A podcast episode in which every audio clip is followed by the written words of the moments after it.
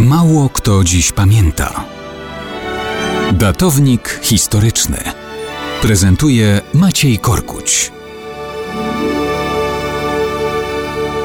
Mało kto dziś pamięta, że 15 czerwca 1260 roku w Troszynie pod Płockiem został zawarty sojusz.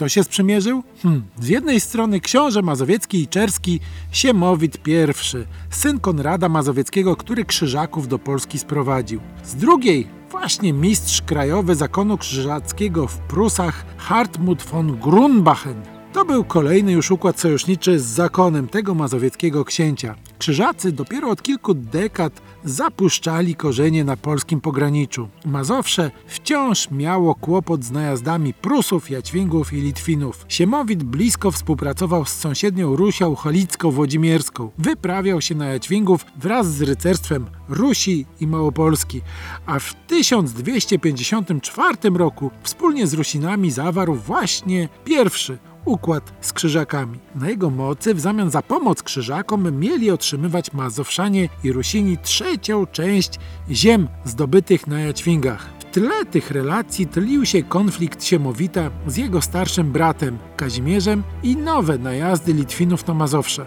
Niebezpieczeństwo ze strony brata i Litwinów utwierdzało jeszcze bardziej współpracę Siemowita z Krzyżakami i stąd się właśnie wziął układ w Troszynie w 1260 roku. Siemowit miał Krzyżakom udzielać pomocy w ich wyprawach na Jadźwierz, a oni byli gotowi jemu udzielać pomocy w wypadku zagrożenia. Ale tak się stało, że oni skorzystali, on nie bardzo bo dobrze na tym wszystkim Siemowit nie wyszedł. Rok później Siemowit wysłał bowiem wojska mazowieckie z krzyżakami przeciw Prusom, a w kolejnym roku Prusowie z Litwinami odpłacili najazdem na Mazowsze. I oto niespodziewanie najeźdźcy zdobyli gród w Jazdowie, który osłaniał przeprawę przez Wisłę akurat w tym momencie, kiedy po drugiej stronie przebywał właśnie Siemowit z synem. Łatwo ich pojmali. Syn został w niewoli, a Siemowita szybko skazano na śmierć i ścięto mu głowę. Fakt faktem, że stało się to wszystko nagle i dość szybko.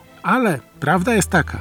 Siemowit krzyżakom dopomógł. Oni jemu jakoś nie zdążyli.